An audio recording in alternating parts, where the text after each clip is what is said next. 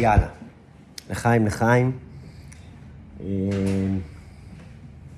אנחנו בפרק ה'. מישהו אולי זוכר על מה דיברנו בפרק הקודם? פרק ד'. זה על הסיפור של ההבדל בין אהבה לכבוד, כן, חלק מהשיחה. נכון. זה מה שתפס אותי ועניין אותי בעיקר. אה, כן, נכון, דיברנו על שלושה לבושים. ככה קורא לזה האדמו"ר הזקן, לבושים כמו הלבושים שיש לנו, ש... שאומנם הם לבושים, שאומנם הם לבושים, ולבוש זה דבר חיצוני, אבל עדיין הלבושים זה כלי מאוד מאוד חזק שאפשר להשתמש בו. כי כמו שאני, לצורך העניין, אם אני אלבש אה, חליפה יפה, או אני יודע מה, איזה מותג, אז זה יספר עליי משהו. יספר עליי אולי ש... אני יודע, יש לי כמה גרושים בחשבון בנק. למרות שהמציאות היא לא כזאת.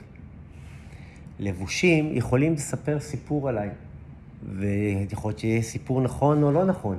אבל לבושים, האדמו"ר הזקן בפרק ד' דיבר על זה שזה אומנם כלי חיצוני, אבל כלי שיכול לעשות גם מהפכה פנימית. אם אני אשכיל להשתמש בכלים האלה, בלבושים האלה, אני אוכל לשנות את עצמי גם מבפנים. כי לצורך העניין, לדוגמה, גם על זה דיברנו, אדם שהוא כעסן. אדם שהוא כעסן, להפסיק אה, לקום בבוקר ולהפסיק לכעוס, זה בלתי אפשרי אם אי פעם בכלל. זה, זה דבר מאוד מאוד אה, קשה.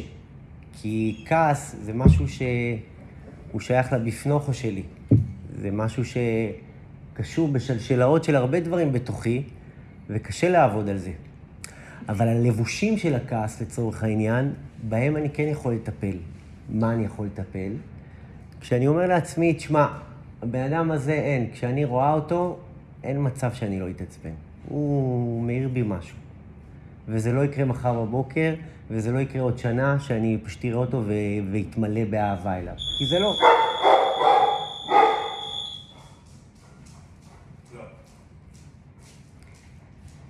כי הוא מעורר בי כעס, וכעס זה דבר מאוד מאוד פנימי. אבל אם אני לצורך העניין אגיד לעצמי שכשאני רואה את הבן אדם הזה, אני אשתדל, לדוגמה, שלוש דקות ראשונות לא לדבר.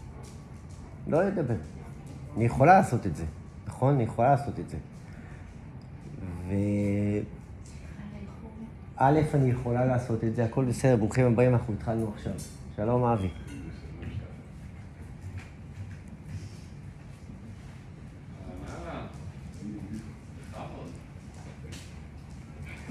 אני, יכול לעשות, אני יכולה לעשות את זה, והניסיון מלמד שזה גם, בסוף גם יכול להשפיע עליי.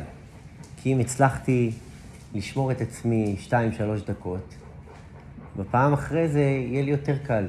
אני אוכל להוסיף עוד דקה. זה הדיבור שלי. מחשבה, דיבור ומעשה, אלה הלבושים שמשרתים אותנו, שמציגים אותנו. איך שאני מדברת, המעשים שאני עושה, זה מספרים עליי.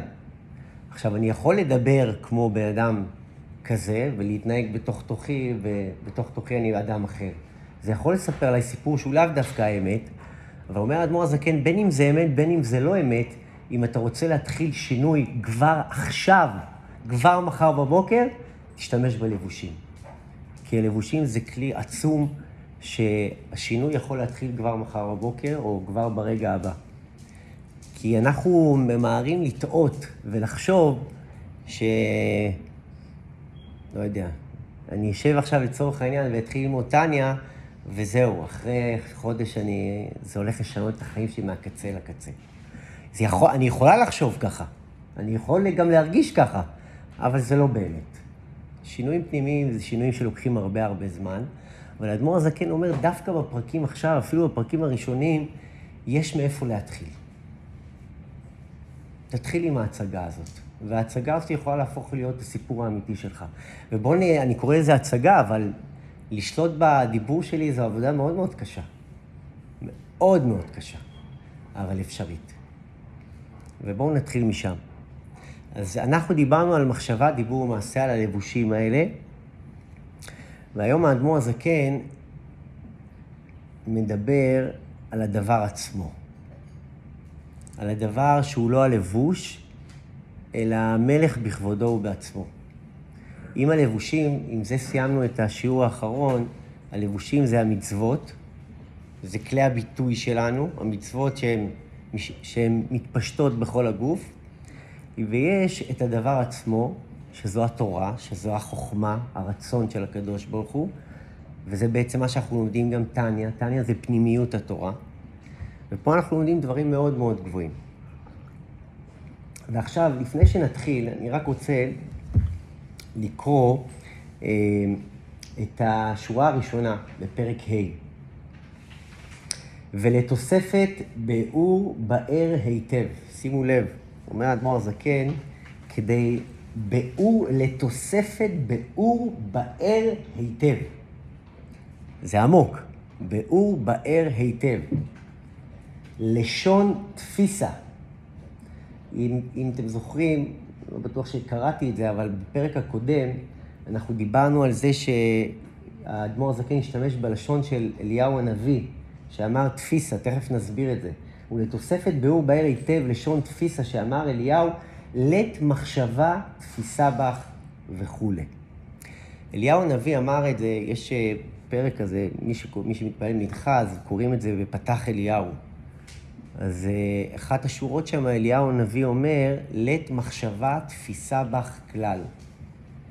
אומר אליהו הנביא, אי אפשר לתפוס אותך, הקדוש ברוך הוא, בשום צורה. כאילו אי אפשר לתפוס את האין סוף. אני, אדם מוגבל וסופי, לא יכול לתפוס בשום צורה של מחשבה. עכשיו, כפתיח, אנחנו ננסה בעזרת השם לדבר דווקא על הדברים שאנחנו לא תופסים. דווקא על הדברים שאנחנו לא מבינים. אני אספר לכם סיפור. זה סיפור אמיתי כמובן, אבל אני חושב שזה היה באוניברסיטת הרווארד, שהיה שם איזשהו מבחן מאוד מקיף, אולי זה היה מבחן גמר, של uh, פילוסופיה. והמרצה שם אסף את כל מי שהגיע באמת למבחן הסופי, ואחרי שהתלמידים הקיפו במשך כמה שנים את כל התיאוריות הפילוסופיות העמוקות ואתם יודעים מה זה פילוסופיה? בטח תיאוריות עמוקות. זה פילוסופיה, כשמה כן היא. וכל התלמידים ככה היו מוכנים, ככה כל אחד ניגש מוכן למבחן עם כל, ה... עם כל התזות מונחות לו בראש. וכל המבחן הזה הסתכם בשאלה אחת. התלמידים קיבלו דף אחד נקי, ועל הדף הזה הייתה שאלה אחת. אחרי כל מה שלמדתם, את מה שלמדתם, נשאלת השאלה, למה? זו הייתה השאלה. פרופסור שאל את כל המלומדים והמשכילים שלמדו במשך שנים ארוכות תזות ותובנות כל כך עמוקות ומרחיקות לכת פילוסופיה. בא הפרופסור ונותן להם שאלה אחת. יכול להיות שהמבחן ארך גם כמה שעות, אבל הוא בא ושואל אותם, את כל ההנחות האלה שגבוהות לכם בראש, אני רוצה לשאול אתכם עכשיו, למה? אף אחד מאיתנו לא היה מצפה לשאלה כזאת. כאילו דבר שאתה, שאתה, שאתה בונה לעצמך איזושהי תזה בראש, והכל, איזושהי לוגיקה, איזושהי תבנית מסוימת של היגיון, של מה שתופס בהיגיון, בא הפרופסור ושואל את כל התלמידים שלו, שאלה אחת, למה? אז עכשיו היו שני תלמידים, שאחד מהם קיבל A, A זה 100, והשני קיבל A פלוס. זה יותר מ-100. אגב, אני קיבלתי פעם ציון כזה, זה היה היסטוריה, אבל זה היה כי, כי פשוט העתקתי מילה במילה מה שהיה כתוב בספרים, וזכרתי את זה, לא באמת כי הבנתי, פשוט שיננתי. עכשיו, תחשבו רגע הפרופסור שאל אותם למה. מה לדעתכם הייתה התשובה שזיכתה את אותו תלמיד ב-A? אתם יודעים מה זה 100 בפילוסופיה? שאלה מאוד מאוד עמוקה, שאלה הכי מפתיעה שיכולה להיות, אני חושב. היא זיכתה את אותו תלמיד ב-A, ב-100, מושלם, שזה... אני שואל, לא כי אני באמת חושב שתדעו, גם אני לא הייתי חושב על התשובה. לא יודע. לא יודע? אתה יודע מה? 90. אני חושבת שלמה כבן אדם, רק מי שמאוד, שיש לו הרבה שאלות ורוצה להבין קצת יותר לעומק, דווקא מהמקום שהוא לא יודע והוא סקרן, זה למה הוא למד. יפה, את מצדיקה את השאלה, אבל איפה התשובה? הוא שאל שאלה. הוא לא שאל למה הוא שואל את השאלה הזאת. הוא באמת שאל שאלה. למה? מה? תשובה סקרנות, היא אומרת, התשובה סקרנות. סקרנות. סקרנות, היא אמרה. סקרנות. יש חוסר, הרי מה, לא הולכים ללמוד את זה סתם. זה בא מאיזשהו צורך. צורך כן. להבין קצת יותר עמוק. דברים. שאולי לא כל אחד מעניין אותם, אבל זה לאנשים מסוימים מאוד מעניין.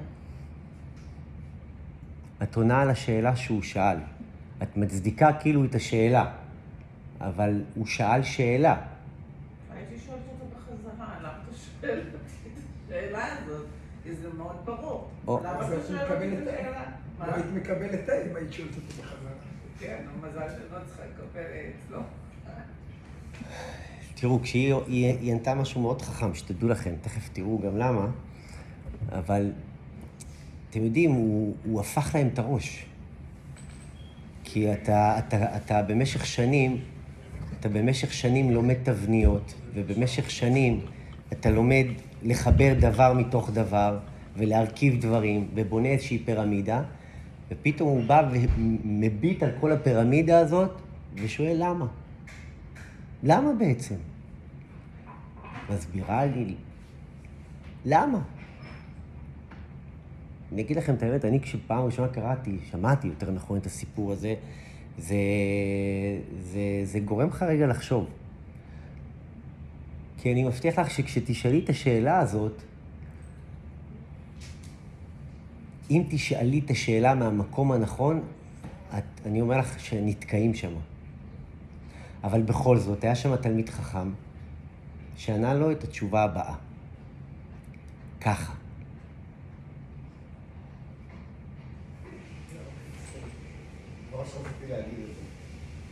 אמרתי לו, יודע במקום להגיד ככה, כן?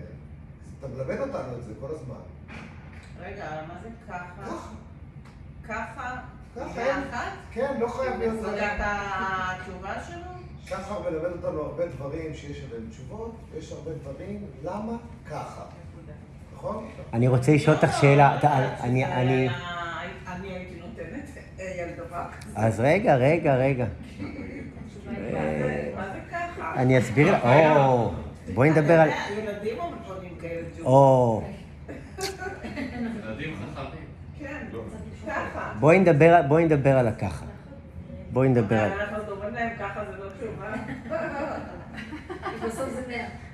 את יודעת שאבא, דרך אגב, כולנו יודעים את זה, כן?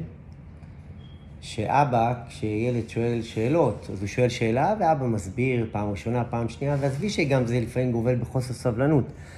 אבל כשאבא לצורך העניין אומר לילד, זה, התפ... זה, זה אותן, זה אגב פסיכולוגים יגידו לך את זה, זו נקודת ציון של אבא. ככה. זה לא רק כי יש תשובות. אני רוצה להגיד לך משהו. ואגב, הפרופסור ישב והסביר, זה לא סתם, יש פה היגיון, ועל זה אנחנו הולכים לדבר עכשיו. אני מבטיח לך שכל תבנית שיש לך בראש, שתשאלי למה, הלמה הזה יגרור עוד למה, ועוד למה, ועוד למה, ועוד למה, עד שהוא יגיע לככה. ככה זו התשובה האולטימטיבית, תקשיבי טוב. את יודעת, יש, זה אנחנו עוד נלמד בפרקים מתקדמים, כתוב תכלית הידיעה שנדע שאנחנו לא נדע. תכלית הידיעה שתדע שאתה לא תדע. זה שנייה רגע, שנייה. שנייה, שנייה. רגע, אני רוצה... אני לא מדבר על זה עכשיו. אני רוצה רגע, רגע לשחות בבריכה הזאתי, ואני מבטיח לך סיכויים גבוהים שהדברים לאט לאט יתמוססו. את יודעת שמה שמפעיל את העולם שלי, שלך ושל כל הנוכחים כאן, זה ככה? רוצה שאני אוכיח לך? אני רוצה לשאול אותך שאלה. תשוקה זה משהו שאת יכולה להסביר? אני מבטיח לך שהתשוקה הכי כמוסה והכי עמוקה בתוך הנפש שלנו, זה לא תשוקה שאפשר להבין. אינטואיציה זה משהו שאת יכולה להסביר? ספק גדול, אחרת היא לא אינטואיציה. רצון, לרצות משהו, ואת מרגישה שהרצון הזה מפעיל אותך, זה רצון שאת תמיד תוכלי לפרש אותו ולתרגם אותו? ממש לא. כאב. את יודעת שפעם אמר, שכחתי את השם שלו, פסיכיאטר מאוד מאוד גדול בניו יורק, אני חושב, הוא אמר, הוא אמר, כשאני, כשניגשים אליהם מטופלים, הוא פסיכיאטר, ניגשים אליהם מקרים מאוד מאוד קשים, זה הרב ג'ייקובסון סיפר את זה, והוא אמר שכשהמטופלים מתחילים לראות את הטיפול, וכל עוד הם מסבירים את הכאב שלהם, אני יודע שאנחנו תקועים. כשהם נתקעים, אני יודע שמתחיל הטיפול. כשאני שואל מטופל, הוא אמר, כך הוא אמר, כשאני שואל מטופל למה אתה חווה את מה שאתה חווה, והוא אומר לי לא יודע, כשהוא אומר לי ככה, אני יודע ששם אנחנו מגיעים לאמת שלו. אנחנו, בעולם שלנו, תראו, זה לא דבר פשוט. כל העולם שלי הוא תבנית. הוא תבנית של היגיון, הוא תבנית לוגית של דבר פלוס דבר. אבל מה שפורץ את התבנית הזאת, זה דווקא אותה, אותו, איך נקרא לזה, כיסא מפלט, שנקרא ככה. דווקא אותו מקום שאנחנו לא מבינים. אבל אנחנו לא מבינים, אבל הוא מניע אותנו. מה?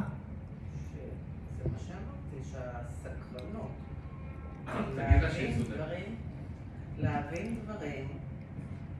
אוקיי, אנחנו מבינים, אבל עדיין זה לא מספק אותנו. יש לנו כאילו כל מיני חורים במה שאנחנו מבינים או יודעים. ואת החורים האלה, לשם אנחנו נשאבים כשאנחנו מחפשים תשובות. וזה, וזה לא כל אחד. יש אנשים שאין להם שאלות, אז הם, לא, הם גם לא ילמדו פילוסופיה. נכון. אבל מי יגיע לפילוסופיה?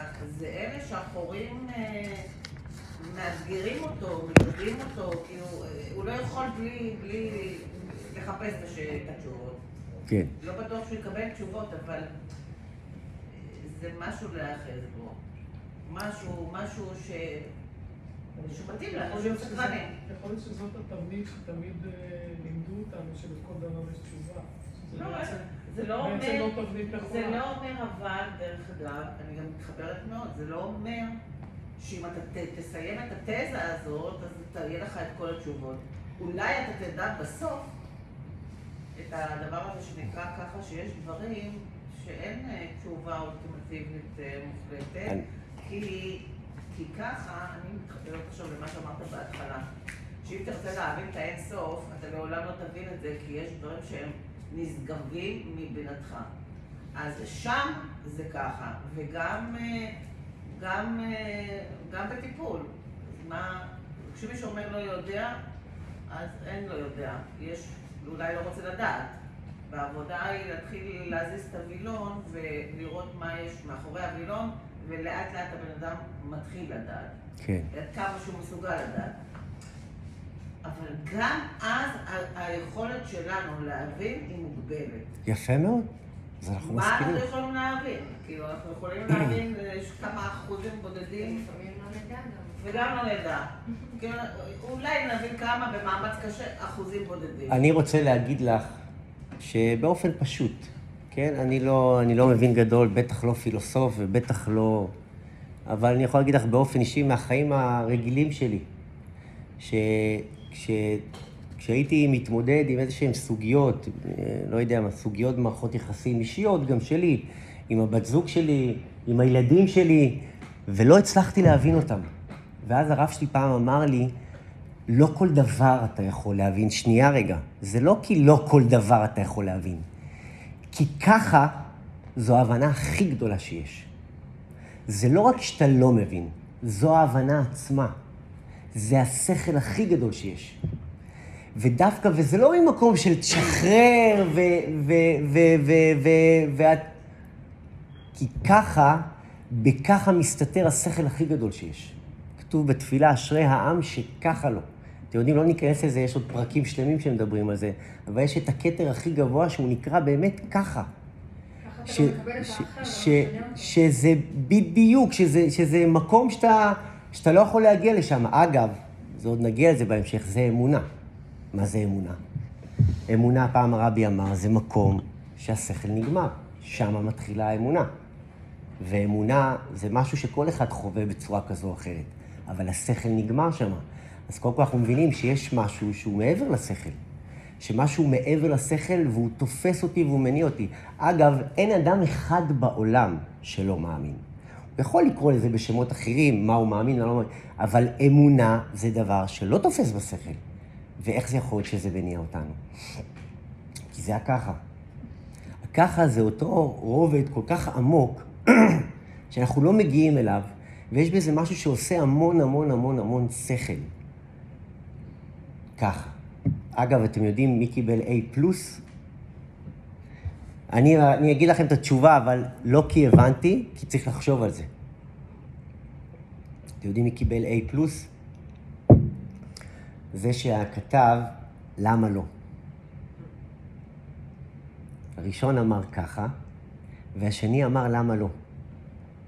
אני עוד לא הצלחתי להבין למה, אבל ככה קצת התבוננתי בזה, כאילו זה הרגיש לי כאילו, הרגיש לי, אני לא יודע אם זה עניין של הרגשה, כן? אני מקווה שאני לא מקשקש עכשיו, אבל זה כאילו החזיר את השאלה לפרופסור. למה לא? זה גם די כמו ככה. זה גם מה שאני אמרתי. הייתי שואלת את. המרצה, למה אתה שואל אותי? נכון, זה מה שאמרת לי קודם. מה? תשובה מתנשאת. תשובה מתנשאת, כן, אבל אה, כאילו. בכל אופן, בכל אופן הרעיון הוא שיש דברים שאנחנו לא תופסים, ואנחנו לא נתפוס, אבל הם בהחלט נוכחים. זה שאנחנו לא תופסים, זה לא אומר שהם בטח ובטח לא האמת, אנחנו פשוט לא תופסים כי היכולת שלנו היא מוגבלת. עכשיו אומר האדמו"ר הזקן, איך אפשר באמת לתפוס את האינסוף? איך אפשר באמת לתפוס דבר כל כך נשגב, כל כך נעלה, כל כך רחוק, כל כך בלתי מושג? כי תאמינו או לא, בספר התניא, האדמו"ר את הדבר המעל התבנית, מכניס את זה לתוך תבנית. מכניס את זה לתוך תבנית. לא בטוח שנתפוס את התמונה, בטח לא מה שהאדמו"ר הזקן תפס, תופס, אבל אומר האדמו"ר הזקן, אפשר לתפוס.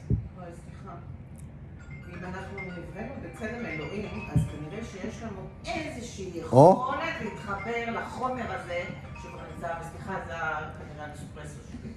אוקיי. זהו. סליחה, רק שנייה.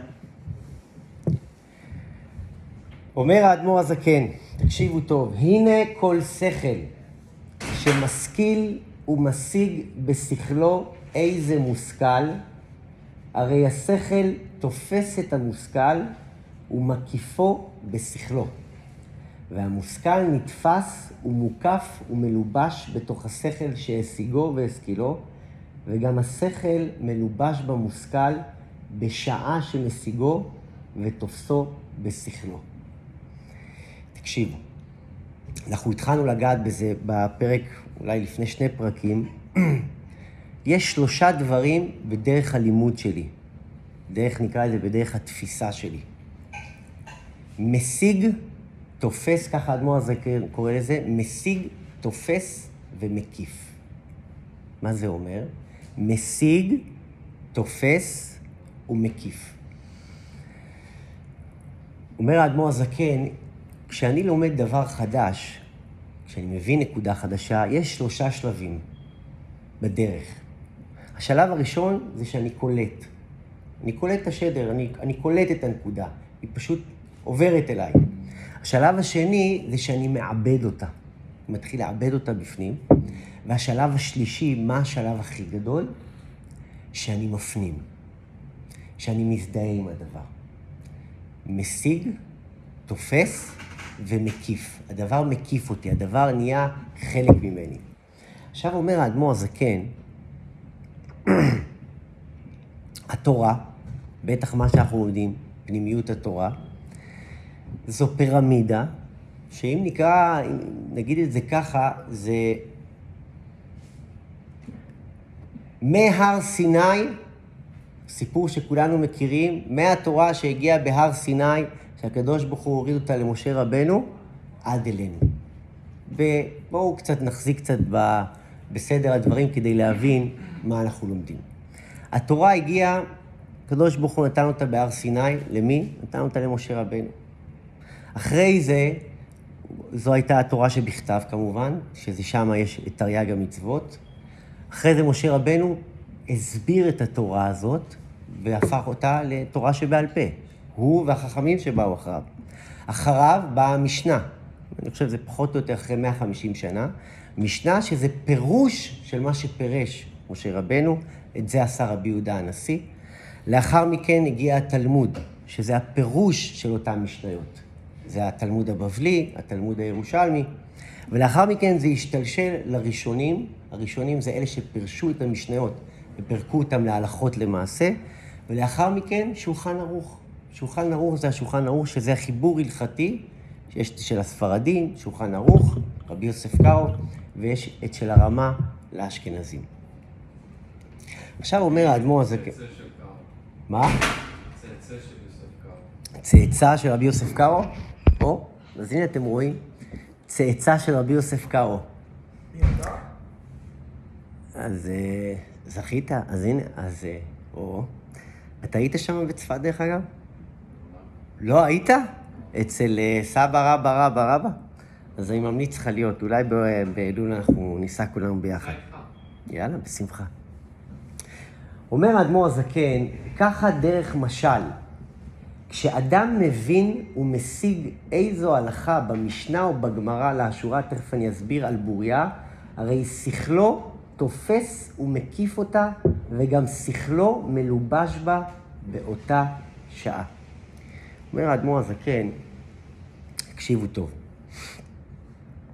יש, כשאני לומד משהו, כשאני לומד משהו, יש אותי, המשכיל, זה שלומד את הדבר, ויש את הדבר שאני לומד אותו. מה הדבר הזה נקרא? המושכל. אומר האדמו"ר הזקן, יש שלושה שלבים. שאני משיג את המושכל, המושכל תופס אותי, ואחרי זה הוא מקיף אותי, הוא ממלא אותי, הוא משנה אותי.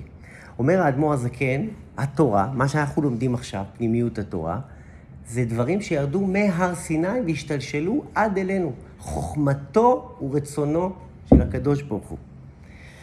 אומר האדמו"ר הזקן, זה אור שמקיף וממלא. זה מונח שאנחנו עוד נשמע את זה הרבה אה, בתניא. זה אור שמקיף וממלא אותי. זה אור, זאת אומרת, זה אור שאני לא יכול לתפוס, אבל הוא נכנס לי בתוך התבנית, וזה משהו שהוא חוכמתו ורצונו של הקדוש ברוך הוא.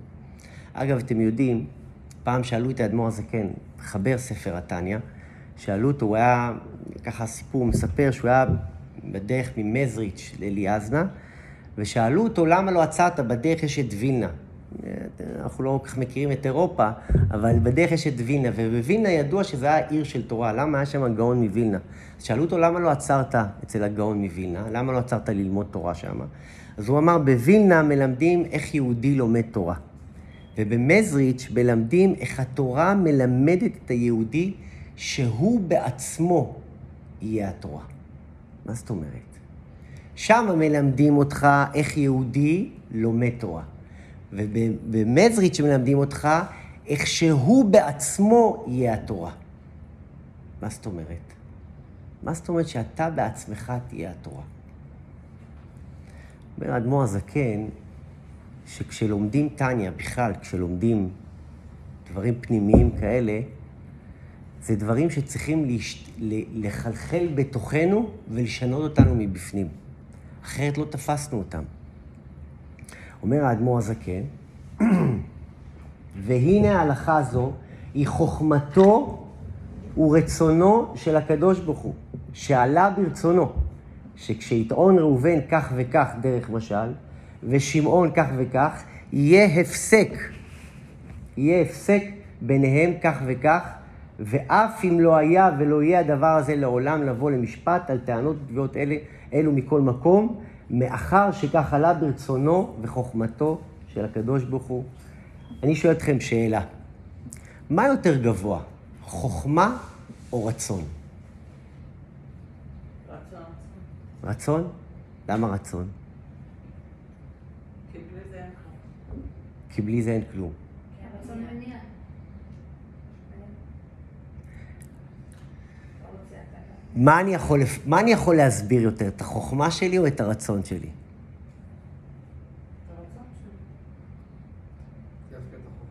דווקא את החוכמה. רצון זה משהו הרבה הרבה יותר, הרבה הרבה יותר, הרבה יותר קשה להסביר.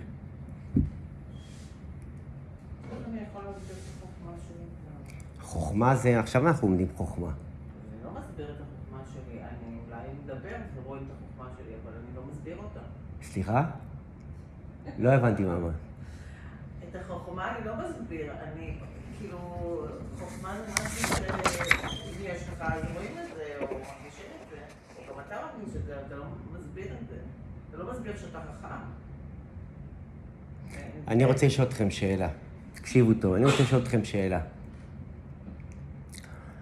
האדמו"ר הזקן קורא לזה, כשלומדים תורה, כשאנחנו לומדים טניה, ייחוד שאין כדוגמתו.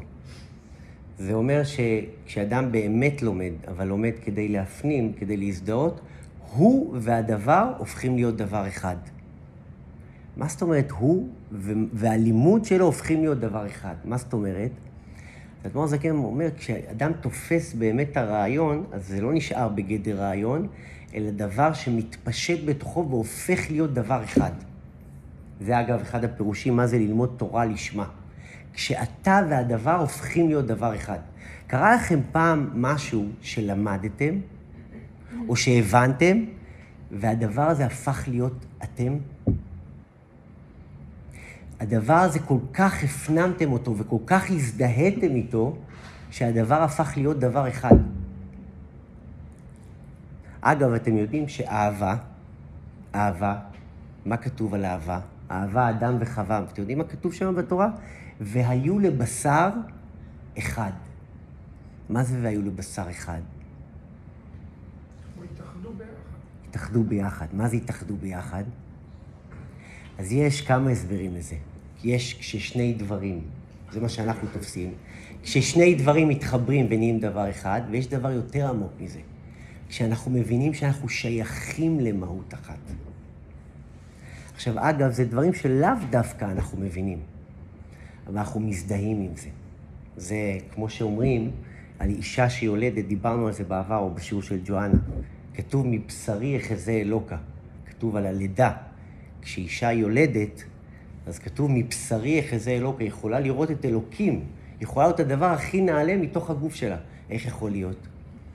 כי זה משהו בלתי מוסבר, אבל משהו שאתה חווה אותו ואתה מרגיש אותו.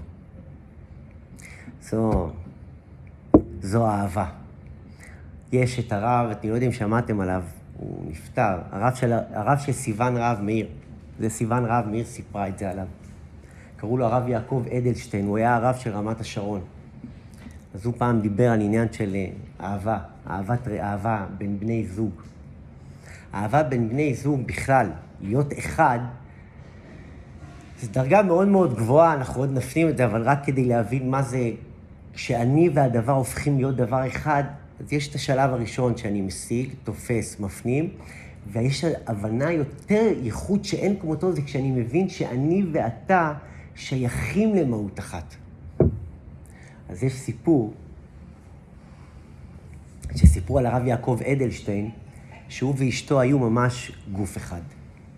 אז אשתו הייתה כבר אישה מבוגרת, גם הוא היה מבוגר, אז uh, היא חלתה, והיא הייתה מאושפזת, אני חושב, בתל השומר, איפשהו שם בבית רפואה, וזה מאוד מאוד כאב לו.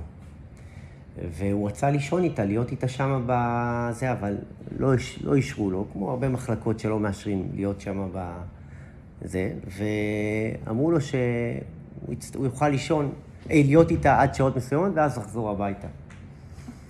אז אני חושב, אולי הבן שלו סיפר את זה, שהוא היה מגיע הביתה, ו... והוא לא היה יושן על המיטה. הוא היה ישן על הרצפה.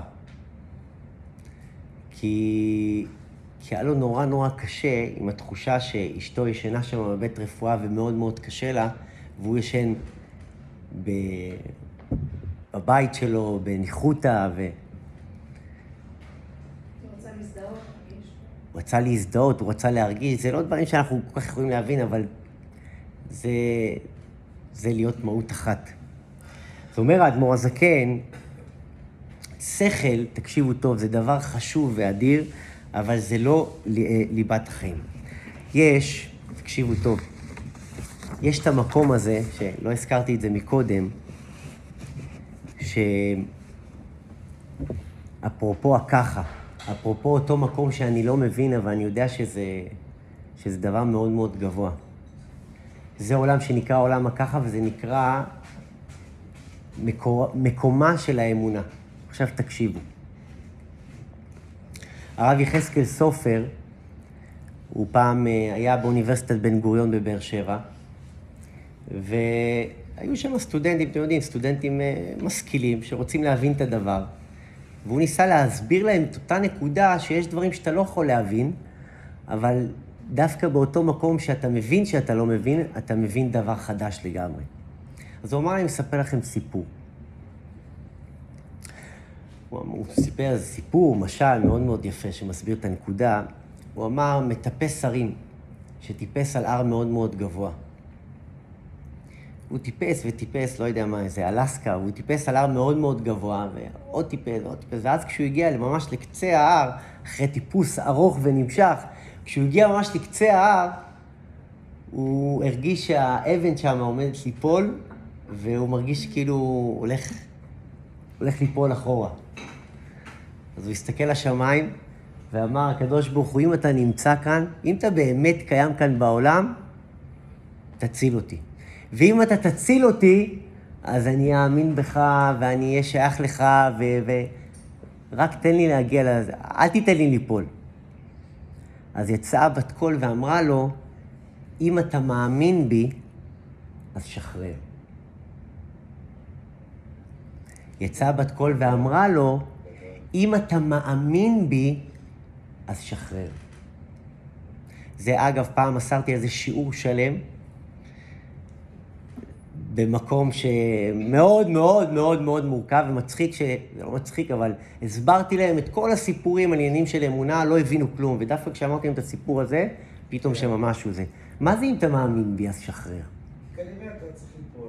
כנראה שאתה צריך לגעת באבן וליפול. גם, גם הסבר, אבל מה זה אם אתה מאמין בי, אז שחרר? קודם כל, חבר'ה, זה מסר בכלל לחיים. אם אתה מאמין בי, אז שחרר.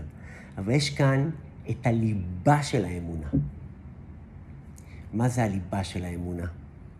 שאתה מאמין ש... לא יכול להיות שיהיה משהו רע. לא, שהכל צריך לקרות קורה. כן, קודם כל... מה שצריך לקרות יקרה. שהוא סומך עליו. אבל שאתה משליך את ימך עליו. כן, שמה שצריך לקרות יקרה. אתה מאמין יקרה לטובה. לטובה. בדיוק. גם אם זה כואב, וגם אם זה שורף, כן, כן. והנה, נכוויתי, נשרפתי כי נגעתי לפני, כבחורה של אמונה, כן. ביקשתי לדעת אמת, ביקשתי לדעת תשובות, קיבלתי. אבל קודם כל קיבלתי גבייה ביד. אם אתה מאמין בי, אז שחרר. בעצם מה הוא אמר לו? הוא אמר לו, הרי מה הוא אמר? אם אתה תתפוס אותי ואם אתה לא תיתן לי ליפול, אז, אז, אז אני אאמין בך? אז כאילו הבת קול, הקדוש ברוך הוא, מי שזה לא יהיה, בא וכאילו צחק לו, אמר לו, אם אתה, אם אתה רוצה באמת לדעת מה זה אמונה, אם אתה באמת רוצה לתפוס מה זה אמונה אמיתית, אז שחרר. כי אם אני באמת קיים, כי אם אני באמת נמצא, אז מה כבר יכול לקרות? זה לא רק הכל טוב, לא, זה הרבה יותר גבוה מזה. הרי אם אני הכל יכול, ואם אתה באמת רוצה לתפוס מאמונה כזאת, אז שחרר. הרי אם תיפול, אני יכול לשאת אותך על כנפי נשרים. מה זה אמונה? מנסים להאחז בו, זה בורח. ברגע שאתה משחרר, אבל באמת משחרר, לא עושה בכאילו, באמת אומר, אני מוותר, אני, לא, לא משנה, זה בא אליך לבד. אני רוצה להגיד לכם, זה כל כך מדויק מה שאת אומרת, קרן, נכון? כמה דברים קורים לנו בחיים דווקא כשאנחנו משחררים. כשאנחנו משחררים, תדעו לכם, עולם, זה, זה, זה בדוק, זה כל אחד. ד, אנחנו כל הזמן ככה, כאילו, כאילו, לא יודע, באיזושהי מריצה כזאת, באיזושהי אוטוסטרדה, ו... ו, ו, ו, ו מנסים לנהל את העולם, לנהל את היקום, לנהל את הזה, וה- והכל אני, והכוחי, ועוצם ידי, והתבנית שלי, ואיך שאני תופס, ואיך שאני זה, ו- ומה לעשות? הקדוש ברוך הוא מנסה להגיד לך, תשמע, אתה מבין שיש פה משהו שהוא לא, כאילו, ודווקא, לפעמים, כשאנחנו לא מבינים, אז לפעמים אה, אנחנו מקבלים איזה צ'פחה קלה כדי, אה, כדי אה, לעצור אותה, להוציא אותה מהמרוץ. אבל דווקא כשאתה משחרר, פתאום נפתח עולם חדש לגמרי. ש... ש... אני רוצה להגיד לכם, אתם יודעים, אני זוכר אם סיפרתי את זה, אולי את זה אצל ג'ואנה, אבל זה אשכרה, אם אתה מאמין בי, אז שחרר. אני, אני זוכר את זה כאילו זה היה אתמול, זה היה לפני אולי 13 שנה, ואני אשכרה רואה את זה, כי זה, זה מסוג הדברים שאתם יודעים, לכל אחד מאיתנו יש דברים שנצרבים לו ממש בראש. אני זוכר כשעברתי תאונת אופנוע, ו... והרופא אמר לי, והמנתח אמר לי שאני הולך להיות שנה שלמה מושבת בבית. ואני הבן אדם באמת, לטוב ולמוטב, הכי היפר שיכול להיות. אני לא יכול, לא יכול לשבת, לא יכול לשבת, אני... אני גדי כזה, אני כל הזמן זז, וכל הזמן, אני כזה. ו, ו, ו, ו, ופתאום פתאום נופל עליך הדבר הזה כרעם ביום בהיר, ואתה... ובמשך שלושה, ארבעה חודשים נלחמתי בזה, אמרתי, לא יכול להיות. הייתי עם קביים, ועם קביים עליתי על האופנוע, והלכתי לרופאים הכי טובים, ולמנתחים הכי טובים, והתפללתי, והלכתי לבבות וצדיקים, וזה, לעשות הכל שהרצועה הצולבת לא נקרעה. תקשיבו טוב, סיפור אמיתי. מה זה סיפור אמיתי? אני. אני עברתי את זה, לא, לא מספר לכם מה שמעתי, אני עברתי את זה. תקשיבי, מה שמך? קרן. אה, גם קרן. תקשיבו, זה, זה מטורף, אם אתה מאמין בי, אז שחרר. ו, וכל הזמן הייתי ב... זה, אתם יודעים, יש MRI, ואחרי MRI יש אולטרסאונד ואולטרסאונד, ואחרי זה, ואחרי זה אם, אם הכל מעיד על כיוון אחד, אז, אז צריך לעשות ניתוח. ו... ואז עשיתי את ה-MRI אחרי שלושה חודשים המתנה, שאני בתפילות ובלה בלה בלה, ואז המנתח באיכילוב אומר לי, מצטער להגיד לך, הצולבת נקרעה, וצריך לעשות את הניתוח, וזה מינימום אה, חצי שנה, ואחרי זה עוד חצי שנה שיקום, וזה, נגנבתי. אני זוכר, יצאתי מאיכילוב, ואמרתי, לא, זה לא יכול להיות. זה לא יכול להיות, ואני כאילו, אני לא אשכח את זה, אני אומר לכם את זה, כי, כי תבינו כמה זה נצרב לי, התמונה הזאת, אני על האופנוע, עם הקביים, כאילו, אני כאילו נלחם במציאות הזאת. אני זוכר שאני נוסע בקפלן, ואני אומר, זה לא יכול להיות, זה לא יכול להיות, ואני זוכר, הגעתי לקפלן אבן גבירול שם על הרמזור, ופתאום כזה, לא יודע איך להגיד, כאילו, פתאום, לא יודע, לא יודע לקרוא לזה פתאום, אבל אמרתי, אתה יודע מה? זה מה שצריך להיות. וכזה הסתכלתי ככה על השמיים, אמרתי, וואלה, אתה יודע מה, הקדוש ברוך הוא, פעם ראשונה דיברתי כמו שצריך, ואמרתי, אתה יודע מה, הקדוש ברוך הוא, אם זה מה שאתה רוצה, אז זה מה שיהיה. ויאללה, אני הולך להיות שנה שלמה בבית. ושחררתי. אני רוצה להגיד לכם אמיתי, עוד בעודי על האופנוע, עוד בעודי, עוד לא סיימתי אפילו את הנסיעה, הכל, הכל התחדש. כאילו הרגשתי... הרגשתי אדם שונה לחלוטין, כאילו, כאילו קיבלתי כוחות מחודשים ופתאום הרגשתי, וואי, אני דווקא יכול להתמודד עם זה. הדבר הכי מצחיק, ששלושה שבועות אחרי זה עשיתי את הניתוח, וכשהתעוררתי מהניתוח, המנתח אמר, יש לנו בשורות טובות, הצולבת לא נקרעה. חשבנו, ה-MRI, אתם יודעים, גם ה-MRI יש לו טעויות. והוא אמר לי, בסוף זה לא נקרע. לא יודע אם זה קשור או לא קשור, אבל אה, אתם יודעים, אומרים שתיקון נגמר ברגע שאתה מבין שזה תיקון. אז אה, בכל אופן, אה, נסיים את ה... אפשר, נגעת פה נקודה מאוד חשובה.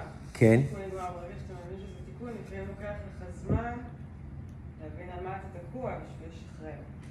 לפעמים סליחה, מה? לוקח לך זמן. להבין מה- על מה אתה נאחז בשביל לשחרר את זה. כן. ברגע שאתה בעצמך מבין מה אתה צריך לשחרר, אתה... ואת- ואת... נאחז.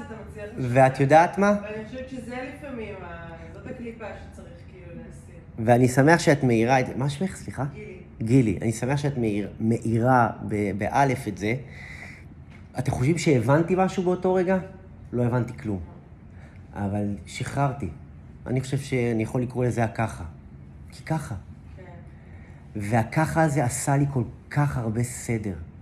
זה לא רק ששחררתי, לא. אדמו"ר הזקן פה לא עושה פה אה, ויפאסנה.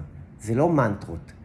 זה כדי להבין שיש משהו שהככה הזה, זה, זה, אני לא יודע אם להגיד את זה, זה, זה, זה השכל האולטימטיבי. ואני רוצה גם להגיד לך משהו, שכשאני הבנתי שאני לא יכול להבין את הילד שלי תמיד, וגם אני לא יכול להבין את הבן זוג שלי תמיד, אז הבנתי לא שאני לא מבין אותה, הבנתי שההבנה היא שאתה לא מבין תמיד כי, כי זה משהו אחר, כי זה ככה. והככה זו הבנה, זו לא אי-הבנה, זו ההבנה הכי גדולה שיש. ושמה, דווקא שמה, אתה נוגע בליבה, ודווקא שמה נפתחים דברים, ודווקא שמה נוצרת מערכת יחסים, ודווקא שמה נוצרת, נוצרת תקשורת, ודווקא שמה אתה פורץ מעגל חדש לגמרי, דווקא במקום הזה. האם אתה מאמין בלשחרר? זה לא רק אמונה, זה להבין שיש משהו מעבר. אתם יודעים, הרציונל הזה, ההיגיון הזה, זה כדי שאנחנו כל הזמן מחפשים את זה כדי להרגיש את הקרקע סביבי. ואתם יודעים, אחד הדברים שלומדים בצלילה, זה, כשאני למדתי צלילה, יש לי שני כוכבים, אז כדי, כשאתה מאבד את התחושה הזו, אז אומרים לך, תיגע בקרקע. אבל כל הזמן בצלילה, אתה לא נוגע בקרקע. ודווקא שם אתה מתחיל ליהנות. דווקא כשאתה מתחיל פשוט לזרום עם, ה, עם המים, פשוט אתה חווה את החוויה. אתם מבינים מה אני אומר? שיר, אתה איתנו? בוודאי שאני איתכם. אחרי שאור נולד, כן. אה, מיד אחרי שאור נולד, רצינו מיד עוד ילד. אז חישבנו ימי ביוץ ונתנו עבודה, חודש, ועוד חודש, ועוד חודש, ועוד חצי שנה, ועוד חצי שנה, ואחרי שנתיים וחצי נשבר לה, אז היא הזמינה תור להפריה. והרופא אמר, היה לה תור לעוד חודש. אז הוא אמר לה, יש לך עוד חודש הפריה, אז א', אה, כל ההורמונים שאת לוקחת זרקי לפח, וב', תשחררי. יש לך הפריה עוד חודש. אז היא שחררה, ויום לפני ההפריה היא גילתה שבהיריון. זה אגב, שמעתי על זה, שבאמת אה, לפעמים... כן, אתה... משחררות וברגע שהן. משחררות זה בא יש להם. סיפורים יותר קשים. היה חבר שעבד נורא קשה, היה אמביציון, ו- ולא היה לו כסף מבית, אז הוא קרע את התחת לשאיפות שלו, וכל הזמן הוא היה בלחץ, בלחץ, בלחץ. ויום אחד, כשהוא ניקח לעולם בסנפלינג, הוא נפל מקומה שישית, והכל נעצר. ואחרי חודשיים שהוא היה בלי הכרה, והוא חזר לחיים, הוא פשוט באמת שחרר, כי לא הייתה לו ברירה. וכל כך רצה את החיים האלה, שהוא עשה המון פיזיותרפיה ו- ומרפאים, וגם לקח כל מיני שיעורים כאלה וזה. עשה הכל כדי להחלים כמה שאפשר. הביטוח נתן לו הרבה כסף, הוא כבר לא דאג יותר בחיים. היה לו שקט נפשי, הוא הכיר את עצמו, הכיר את הבת זוג שלו, פתאום היה להם חיבור, היה להם אהבה, הכל, הכל חזר. הוא, הוא, אמר לי, אני מרגיש שכאילו קיבלתי את החיים שלי בחזרה, כמה שכאילו אנשים מרחמים בו, עכשיו הוא נכה, עכשיו הוא קצת יותר קשה. עבדתי כמו עבד מצרי ולא יכולתי להפסיק את זה, זה הדבר היחיד שהפסיק, כדי להראות לי שברגע שאני משחרר, הדברים באים אליי. זה, זה שחרור כואב, אבל... מה? כואב מאוד, לא? נכון, אבל הוא, הוא לא, נהיה אדם נכה, אחר. כן, אבל הוא סיים את הלימודים שלו בבצלאל, שלפני זה הכל היה כזה זה, ולא, וכסף כבר לא חסר, ואהבה הוא מצא, ויש לו ארבעה ילדים. הכל סבבה. בכל אופן, ככה כתוב, ככה זה סוד החיבור. ולא תמיד אנחנו יכולים להבין כל דבר, אבל בהחלט, כאן אומר האדמו"ר הזקן שהתורה, התורה והמצוות, הן חוכמתו ורצונו של הקדוש ברוך הוא שמתלבשות כאן באותיות שאנחנו לומדים ומשיגים, והדבר הופך להיות הדבר עצמו. ולפעמים כדי לפרוץ מעגל, כדי לפרוץ תבנית, דווקא במקום שאני משחרר, אה, אני אה, מקיף את זה. אה, נסכם את השיעור. אנחנו לא מרגישים וכבר עברו את עברנו את ה-50 דקות. לתפוס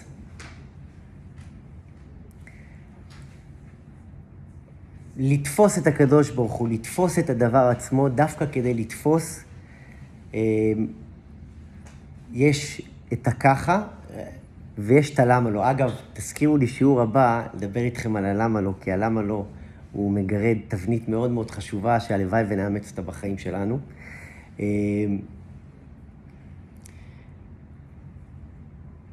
התורה היא ככה, וככה זה סוד החיבור, ושכל זה דבר חשוב ואדיר, אבל זה לא ליבת החיים, כי יש דברים שהם מעבר לשכל, דווקא מעל השכל נמצא המהות, מהות וחיבור אה, הפנימי. אה, שבוע הבא, אה, אני לא יודע אם יש שיעור, אני אדע את זה מחר. אה, שחר, לא הבנתי, יש ביום ראשון את הצום תשעה באב, זה זה נדחה או מה? כן, אין זה. אמור להיות מוצאי שבת. לא, אין לנו שיעור, אני יודע. אבל אני לא הבנתי, כי היום הסתכלתי במקרה, התשעה באב זה ביום שבת. כן. אז למה ביום ראשון? אוקיי, אז בגלל שזה בתשעה לא באב, נדחה בגלל שזה שבת, הוא נכון. נדחה לראשון. נכון, הוא מתחיל במוצאי שבת ונמשך ליום ראשון. נמשך ליום ראשון. כן. זאת אומרת, כביכול, יום ראשון זה התשעה באב. איך? שרק מבחינת הצום. כן. לא, שבת זה שבת אה, רגילה. למה זה דוחים בגלל השבת? כן. אבל אם זה היום כיפור, לא דוחים את זה. נכון, אתה צודק. או, אז יש על זה... למה איפה ואיפה? אה, לא הייתי קורא לזה איפה ואיפה, אבל יש... אה, יום כיפור זה יום בפני עצמו, זה חג בפני עצמו, אני לא יודע להגיד לך את זה הלכתית, אבל אה, אני יכול להגיד לך שיש יש עניינים גדולים בזה ש, אה, שדוחים את תשעה באב, ודווקא השבת דוחה את תשעה באב, אה, אבל זה עניין הלכתי שלא ניכנס אליו עכשיו. יום כיפור זה, הוא, הוא, אני חושב שהוא לא, שום דבר לא דוחה אותו. אבל בכל אופן, אה, לגופו של עניין, זה, זה כן אמור להיות בשבת, אבל זה נדחה. מתחיל מוצאי שבת, עובר ליום ראשון. אה, אבל זה צום על חורבן, ויום כיפור זה בכלל משהו אחר, זה לא אותו דבר. או, ו-